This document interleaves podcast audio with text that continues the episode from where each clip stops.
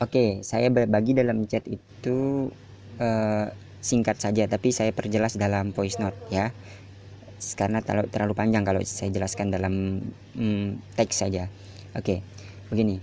Uh, sebelum kita mulai, ada cara berpikir saya yang perlu teman-teman yang pen, sepertinya perlu teman-teman adopsi juga.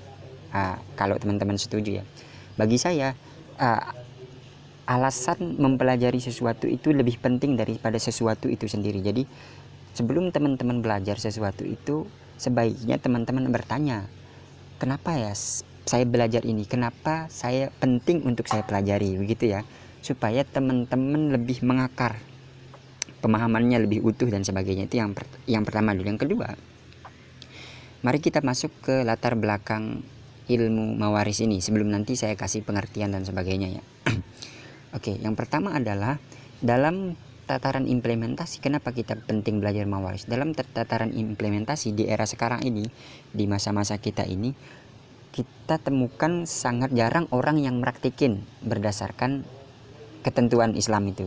Nah kita temukan sangat jarang mempraktekkan. Bahkan di lingkungan saya pun jarang sekali orang yang mempraktikkan ilmu mawaris gitu ya. Mungkin yang tahu tidak bisa dibilang banyak juga. Mungkin yang tahu uh, adalah yang tahu.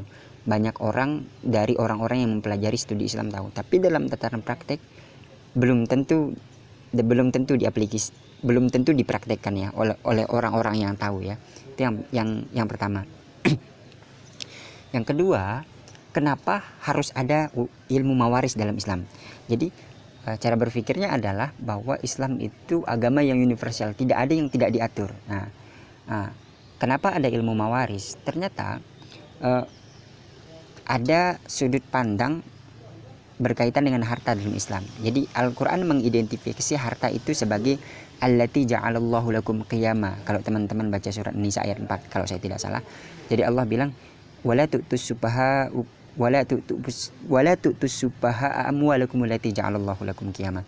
Jangan berikan kepada orang-orang yang belum balik itu uh, harta mereka harta mereka yang dijadikan sebagai penegak kehidupan. Ya jadi harta itu dalam Islam sebagai penegak kehidupan.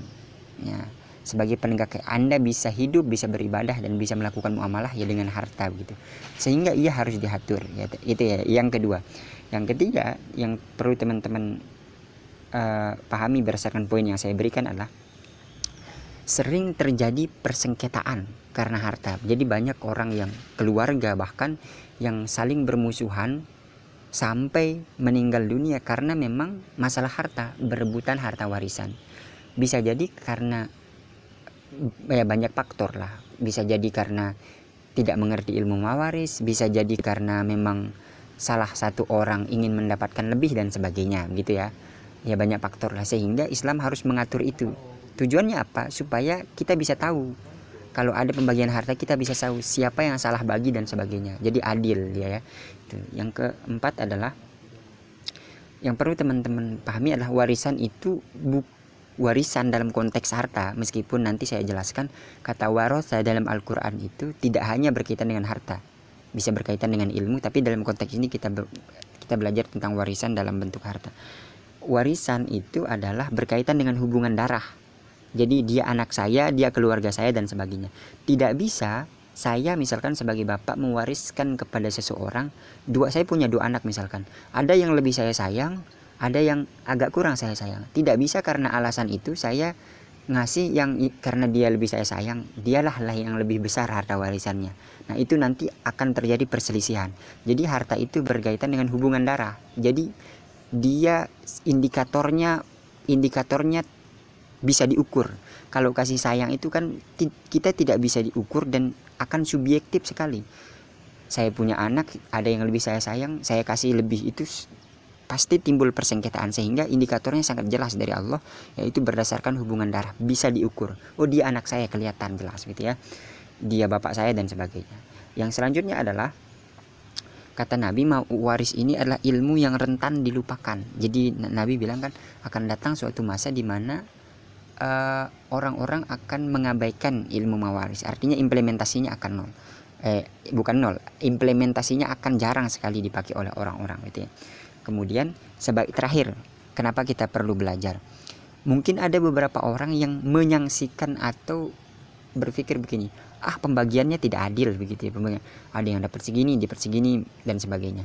Yang perlu teman-teman pahami adalah ada kalimat dalam Al-Quran ala yang alamu man khalaq bukankah dia Allah lebih tahu tentang ciptaannya? Jadi kita sendiri itu tidak lebih tahu daripada pencipta kita tentang diri kita. Jadi sebenarnya yang berhak mengatur kita itu pencipta kita bukan diri kita. Jadi karena kita sebenarnya tidak lebih tahu tentang diri kita dari pencipta kita. Jadi kalau ada cara ber, uh, kesangsian kesangsian jadi saya sanksi dan sebagainya saya saya kok bilang tidak adil? Teman-teman yang harus teman-teman lakukan adalah kemungkinan besar kita belum tahu hikmah di balik itu. Jadi bagaimana caranya teman-teman coba cari hikmahnya? Pasti teman-teman akan sampai pada kesimpulan oh ya benar juga ya kenapa kita disuruh begini? Ya karena begini gitu. Nanti coba saya jelaskan alasan rasionalnya tapi sebagai latar belakang saya jelaskan poin-poin ini dulu ya. Nah itu dulu dari saya. Uh, semoga bisa dipahami. Oke, saya coba masuk ke pengertian supaya pemahaman teman-teman lebih utuh lagi ya. Oke, kata mawaris sendiri dalam Al-Quran, ingat mawaris itu akar katanya adalah warota. Jadi setiap kata, setiap isem, isem kata benda, kata sifat. Jadi dalam bahasa Arab itu isem itu bisa jadi kata benda, kata sifat dan sebagainya.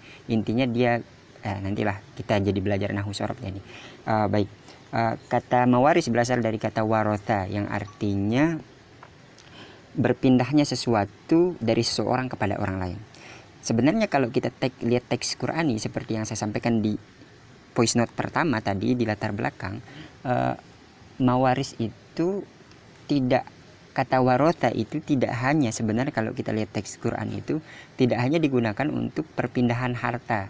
Jadi saya meninggal kemudian saya bagi harta peninggalan saya saya bagi ke uh, ahli waris saya itu tidak hanya seperti itu.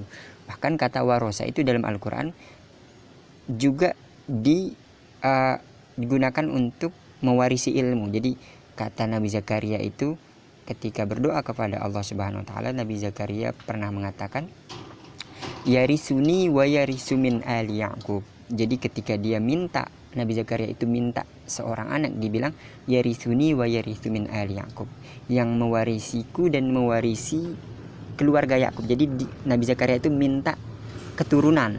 Jadi sebagai pewaris kenabian. Nah, definisi waris di situ di situ. Juga di dalam Al-Qur'an ada kata uh, Innal ardo lillah yurisuha man yasha'u min ibadi. Itu kata Nabi Musa. Sesungguhnya bumi ini milik Allah. Allah mewariskan kepada siapa pun yang dia kehendaki. Mewariskan itu maksudnya di sini Allah memberikan kuasa. Jadi Allah ngasih kuasa atas pengelolaan bumi itu kepada hambanya gitu. Nah, jadi banyak sebenarnya definisi waris, tapi dalam konteks ini kita bahas adalah definisi, definisi waris dalam konteks pembagian harta peninggalan gitu ya. Bagian harta peninggalan. Jadi yang perlu teman-teman pahami adalah waris itu adalah salah satu instrumen distribusi harta dalam Islam. Selain zakat, wakaf, infak, sodako, dan jual beli dan sebagainya. Jadi jual beli itu instrumen distribusi. Cuman kan jual beli itu hanya bisa terjadi di dalam pasar. Jadi ada orang-orang yang tidak bisa masuk pasar makanya ada zakat dan sebagainya. Nah warisan ini adalah salah satu instrumen distribusi dari orang yang meninggal kepada orang yang ditinggalkan gitu ya orang-orang yang seperti yang saya sampaikan punya hubungan darah gitu ya. Nah, nama lain dari ilmu mawaris ini sebenarnya kalau kita lihat di surah An-Nisa itu nama lainnya adalah faroid. Mungkin teman-teman pernah dengar ya kata faroid. Sebenarnya kalau dilihat surat An-Nisa itu Allah menggunakan kata faroid, faridah. Jadi bentuknya faridah. Jadi faridatan minallah sebagai ketentuan dari Allah. Faroid itu berasal dari berasal dari kata fard itu artinya ketentuan jadi nama lain ilmu faraid itu ketentuan pembagian harta begitu ya itu definisi dulu teman supaya teman-teman bisa uh, pahami dulu ya. Oke terima kasih. Oke selanjutnya uh, gimana sih hukum belajar warisan itu ya? Gimana hukumnya itu persis seperti hukum sholat jenazah jadi fardu kifayah jadi jadi dalam sebuah kumpulan masyarakat itu mesti ada yang paham gitu ya karena kalau tidak ada yang paham maka tidak akan tidak akan pernah ada implementasi pembagiannya jadi harus ada yang paham sehingga bisa ngajarin masyarakat yang lain. Atau bisa bertanya ketika terjadi sengketa gitu ya.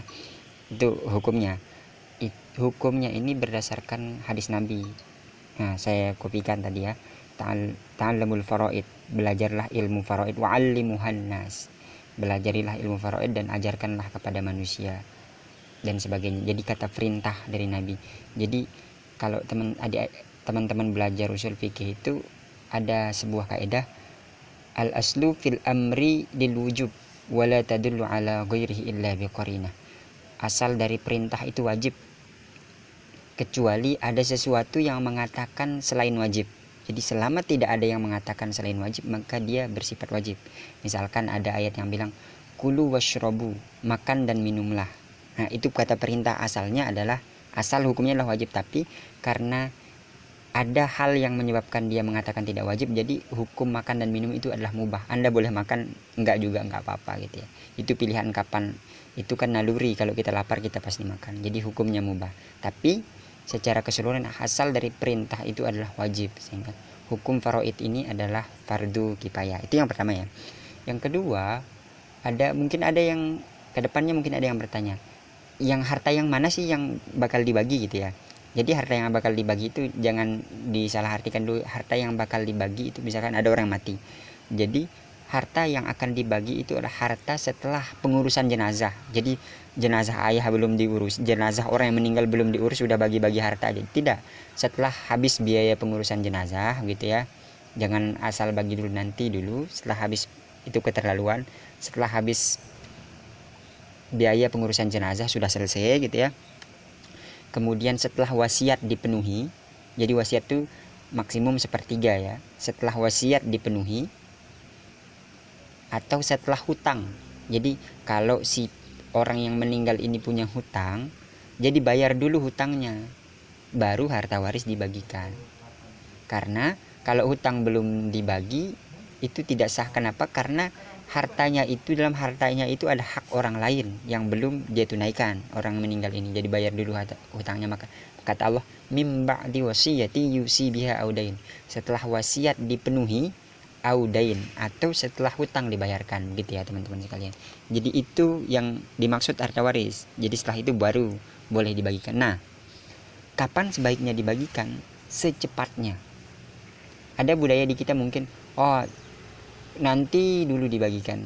Idealnya secara hukum secepatnya. Kenapa? Kenapa harus secepatnya? Kenapa harus cepat misalkan ada yang meninggal. Jangan setelah dua tahun tiga tahun dibagi. Kenapa harus secepatnya? Bahkan ada yang bilang maksimal sebulan ya. Uh, kenapa harus secepatnya? Karena kita nggak tahu orang yang sebagai ahli waris nanti itu bakal meninggal juga atau enggak misalkan saya meninggal. Saya punya ahli waris delapan.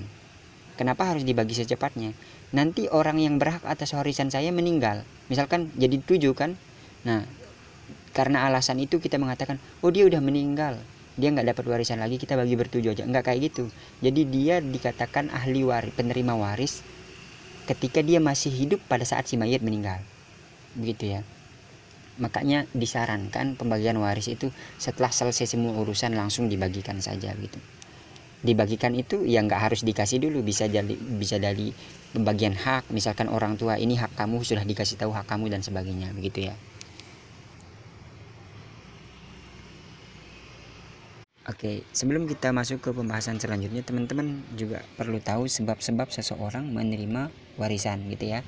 Jadi ini penting ya. Di pertama itu saya bilang ada hubungan darah. Nah, itu salah satu sebabnya itu kalau saya punya anak itu hubungan darah kan ya? Anak bapak cucu dan sebagainya gitu ya. Ada hubungan darah ada garis nasab maka dia berhak atas warisan. Itu yang pertama. Yang kedua adalah karena pernikahan.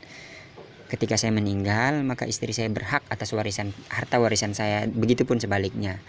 Yang ketiga itu alwala. Alwala itu gimana ya? Alwala itu karena saya memerdekakan budak. Kalau dulu kan ada zaman perbudakan. Kalau saya memerdekakan budak maka ketika budak saya meninggal maka saya berhak atas harta.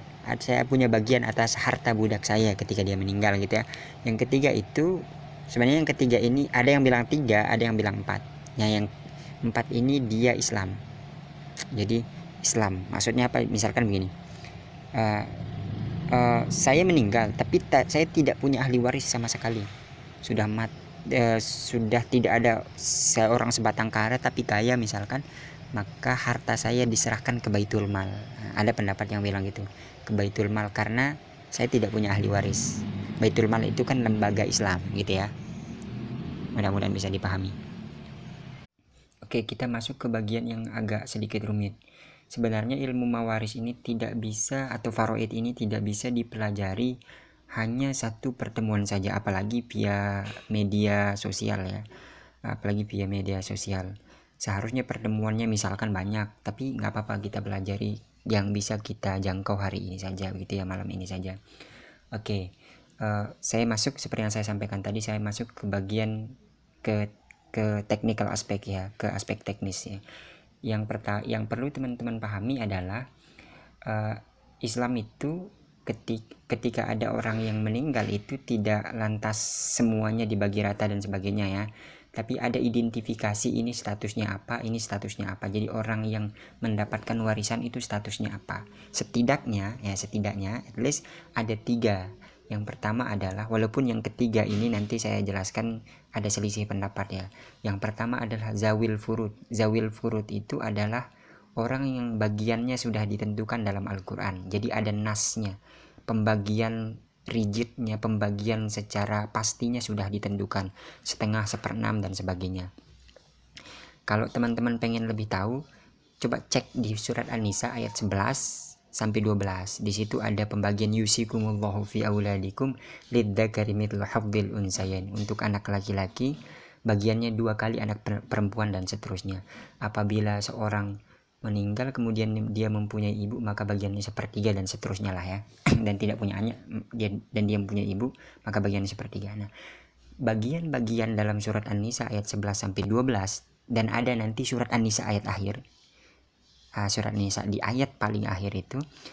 Nah ada bagian-bagian di situ. Nah, bagian bagi orang-orang yang sudah pasti menerima bagian itu disebut dengan dawil furud Zawil itu dalam bahasa Arab artinya orang yang mempunyai daw. Zu itu artinya orang mempunyai makanya ada namanya zul fikri orang yang mempunyai pikiran jadi zu atau daw zaw itu artinya dawi itu artinya orang yang mempunyai. Dawil furud artinya orang yang mempunyai ketentuan. Furud itu kan uh, asal sama akar katanya dengan faridah yang saya sebutkan sebagai tadi itu sebagai bentuk tunggal dari kata faroid ya faraid itu artinya ya ilmu mawaris. Jadi dawil furud orang yang sudah tentu bagiannya gitu ya dawil furud. Kemudian namanya asobah ada namanya asobah. Asobah itu adalah orang yang mendapatkan sisa. Asobah ini bisa jadi dia lebih besar pendapatnya daripada dawil furud. Tergantung case nya nah dawil furud. Yang ketiga itu asobah itu pokoknya orang dapat sisa aja. Maksudnya sisa adalah tidak disebutkan pembagiannya dalam Al-Quran bagian pastinya misalkan dia dapat seperdua dan sebagainya tidak disebutkan. Tapi bisa jadi dia dapat lebih gede daripada dawil furud tergantung nanti ahli warisnya gitu. Bisa jadi lebih kecil juga. Yang ketiga adalah dawil arham. Daw seperti yang saya bilang tadi dawi itu artinya orang yang mempunyai dawil arham. Arham itu berasal dari kata rohim. Rohim itu arham itu makanya uh, ibu yang malah ibu yang mengandung itu disebut dengan rahim. Rahim itu artinya orang yang memiliki hubungan sesama rahim. Jadi kita ada hubungan darah gitu ya. Dawil arham itu orang yang mempunyai hubungan sama rahim. Misalkan saya punya anak saya punya cucu ya itu dawil arham juga. Anak saya cucunya anak saya itu dawil arham tapi agak jauh ya gitu dawil arham. Walaupun ulama berbeda pendapat tentang zawil arham. Ada yang mengatakan dia juga dapat ketika tidak ada dawil furud dan asobah. Jadi Dawil arham itu dapat ketika sudah selesai pembagian, sudah selesai. Jadi dia bisa jadi bisa jadi dapat, bisa jadi tidak. Jadi semua hal yang saya sebut tadi tiga hal itu tidak lantas semuanya dapat. Tapi su kalau sudah zawil purut sudah kebagian semua, asobah bisa jadi dapat nggak nggak ada nggak dapat apa-apa apalagi zawil arham yang agak jauh gitu. Jadi semuanya itu artinya orang yang berpotensi dapat. Yang jelas kalau zawil furud itu sudah pasti dapat gitu ya kalau ada hartanya kalau nggak ada yang nggak ada. Nah, yang ketiga dawil arham itu selisih pendapat. Ada yang bilang seperti Imam Syafi'i bilang kalau zawil arham itu tidak ada tidak dapat. Sehingga kalau ada sisa harta diserahkan ke baitul mal gitu ya baitul mal. Nah tapi kalau seperti Imam Hanafi itu bilang dia juga dapat ketika memang orang yang meninggal ini secara hitung-hitungan ada sisa untuk zawil ar ada bagian untuk zawil arham gitu ya. Dawil furud asobah dawil arham. Ini belum masuk ke hitung-hitungan. Agak rigid hitung-hitungannya teman-teman. Untuk memahami zawil furud seperti yang saya katakan tadi teman-teman coba buka surat An-Nisa. Kalau bisa dihafalin ayat 11 sampai 12 itu. Kalau teman-teman yang belum hafal ya dihafalin dan surat An-Nisa ayat terakhir. Di situ bakal kelihatan siapa yang dapat gitu ya selebihnya ada yang tidak disebut maka ulama mem memilih apa? Membuat siapa saja yang tidak disebut-sebut tadi dan berpotensi dapat juga itu ya. Oke terima kasih. Uh, oke mungkin kita masuk ke hitung-hitungan selainnya nah di hitung-hitungan ini agak kompleks sedikit karena dia semakin banyak ahli warisnya semakin beragam. Uh, banyak orang yang kebingungan menentukan gitu ya. Banyak orang yang kebingungan menentukan. Tapi seperti yang saya sampaikan tadi tidak mungkin sebenarnya dalam satu kali pembahasan kita selesai karena memang uh, pada hitung-hitungan inilah orang yang agak ribet ya. Walaupun dan teori yang zawil purut zawil arham tadi dan zawil, dan asobah tadi sebenarnya agak ribet juga. Cuman kita masuk ke teknis sedikit ya ke aspek teknis sedikit hitung-hitungan. Seperti yang saya sampaikan tadi itu zawil furud itu adalah orang yang sudah baku rigid ketentuannya dalam Al-Quran. Jadi sudah tidak bisa diganggu gugat lagi. Nah, asobah itu sisa. Nah, dalam ketika seorang meninggal itu bisa jadi orang yang ditinggalkan itu ada penerima waris itu bisa jadi ada dua keadaan. Bisa dia zawil bisa jadi ada dua ada dua kelas dua macam lah. Ada bisa jadi zawil furud bisa jadi zawil eh bisa jadi asobah. Zawil furud asobah. Mana yang lebih didahulukan secara hitungan? Selesaikan zawil furud dulu baru masuk ke asobah Asobah itu kan sisa. Jadi orang yang dapat sisa itu nanti setelah yang sudah pasti dapatnya itu di dibagi gitu ya. Saya kasih studi, studi kasus saja gini. Ada orang yang meninggal misalkan saya meninggal, eh janganlah jangan saya. Orang lain meninggal eh, harta warisannya 80 juta misalkan. Nah, dia punya anak laki-laki, dia punya anak perempuan, satu anak laki-laki satu anak perempuan kita buat contoh gitu aja satu anak laki-laki satu anak perempuan kemudian ada siapa ya ada ayah dan ada ibu. Nah gitu itu aja contohnya. Ada ayah dan ada ibu. Nah cara pertama menghitungnya adalah tentukan siapa zawil purut. Nah dan asobah. Jangan asal bagi dulu karena di situ pasti ada zawil purut dan asobah gitu ya. Tentukan siapa zawil purut dan asobah. Orang zawil purut itu sekali lagi tidak bisa saya jelaskan panjang lebar. Teman-teman bisa cek langsung di surat An-Nisa ayat 11 sampai 12 di situ sudah ada ya. Dalam case ini kalau kita lihat di surat An-Nisa ayat 11 itu maka case ini dalam case ini zawil purutnya adalah ayah dan ibu. Anak laki-laki itu dia dapat dia jadi asobah. Nah, anak laki-laki itu dia laki-laki itu dia menjadi asobah. Tapi dalam surat Nisa itu di, pokoknya dijelaskan adalah bagian laki-laki, anak laki-laki itu dua kali bagian perempuan. Tapi tidak dijelaskan berapa jumlahnya. Tapi kalau ayah dan ibu dijelaskan oleh Allah Subhanahu Wa Taala, jika orang yang meninggal ini mempunyai anak, maka pali abawaihi pali abawaihi sudus maka untuk kedua orang tuanya masing-masing kata Allah seperenam jadi 80 juta 80 juta seperenam kali 80 juta. Itulah bagian dari ayah. Seperenam kali 80 juta itulah bagian dari ibu. Sisanya adalah bagian dari anak. Gimana cara ngitungnya? Anak laki-laki dihitung dua kali bagian perempuan. Sudah itu aja. Itu ya. Anak laki-laki dihitung dua kali bagian perempuan. Jadi simple. Nah sebenarnya letak kesulitannya itu banyak orang yang tidak bisa menentukan mana dawil furud mana asobah gitu. itu yang bikin dia ribet. Kadang-kadang anak laki-laki dihitung dulu dapatnya berapa padahal pada pada konteks case tadi anak laki-laki itu adalah asobah dia dapat sisa seperti yang saya bilang tadi asobah itu bisa jadi lebih besar dapatnya daripada dawil furud atau bisa sebaliknya tergantung kasusnya itu ya. Oke supaya lebih detail lagi saya coba jelaskan ya agak panjang sebenarnya tapi nggak apa-apa lah. Saya coba lebih detail lagi uh, ngejelasin tentang asobah. Nah asobah ini ribet sedikit. Uh, asobah itu ada tiga. Asobah bil goir asobah bin napsi yang pertama asobah bil goir dan asobah ma'al goir istilah-istilahnya. Asobah bin nafsi itu orang yang mendapatkan sisa karena sebab dirinya sendiri. Jadi dia automatically dia ketika dia masuk dalam pembagian harta dia jadi udah jadi masuk sisa aja jadi asobah aja gitu ya nanti coba saya kasih contoh supaya lebih jelas uh, yang kedua adalah asobah mal asobah bil goir asobah bil goir ini dia menjadi asobah karena ada asobah bin nafsi. Nah, ya. Eh, coba coba saya jelaskan nanti contohnya. Dia menjadi asobah karena dia ada asobah bin nafsi. Ketika dia bergandengan dengan asobah, ada asobah ketemu dengan asobah bil goir, maka dia otomatis menjadi asobah bin nafsi. Tapi kalau tidak ada asobah bil goir, dia bisa jadi jadi zawil furud. Ya, saya contohkan begini. Perempuan itu, anak perempuan itu itu dia zawil furud sebenarnya. Jadi kata Allah, yusikumullahu fi auladikum lidzakari mithlu habdil unsayin. Fa in kunna nisa'an fawqa falahunna thulutha ma Jika ada anak perempuan si mayat ini meninggal, kemudian ada anak perempuan lebih dari dua, maka bagian mereka dua per tiga. Dua per tiga itu namanya zawil furud, sudah ketentuan. Wa in kanat wahidatan falahan nis. Dan apabila dia punya anak perempuan cuma satu saja maka dia dapat anispu setengah. Setengah itu dawil furud. Tapi si anak perempuan ini akan menjadi asobah ketika dia ketemu lah anak laki-laki. Jadi ketika si mayat ini punya anak laki-laki dan anak perempuan maka otomatis status zawil furud si perempuan ini gugur. Dia akan menjadi asobah. Kenapa? Karena ada aturan laki-laki, anak laki-laki dua kali bagiannya anak perempuan. Dan ketika kita tidak menjadikan si anak perempuan ini menjadi asobah, misalkan zawil purut padahal ada anak laki-laki, maka nanti akan kacau dia. Kacaunya maksudnya gini. Tidak akan sampai hitungan anak laki-laki dua kali bagian anak perempuan. Nanti misalkan teman-teman ngitung gitu.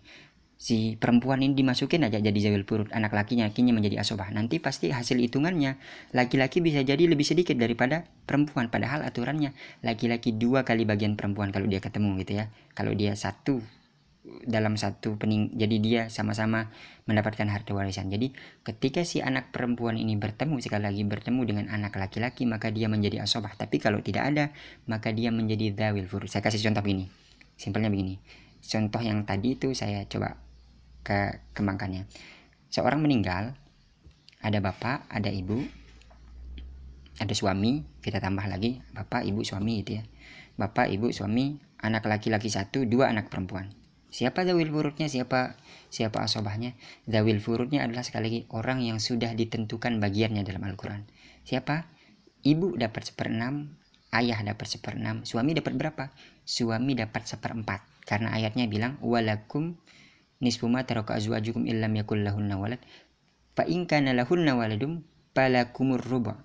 Jika istrimu yang meninggal itu mempunyai anak, maka bagian kamu adalah seperempat. Jadi si suami dapat seperempat, si ayah dapat seperenam, si siapa lagi? Ibu dapat seperenam.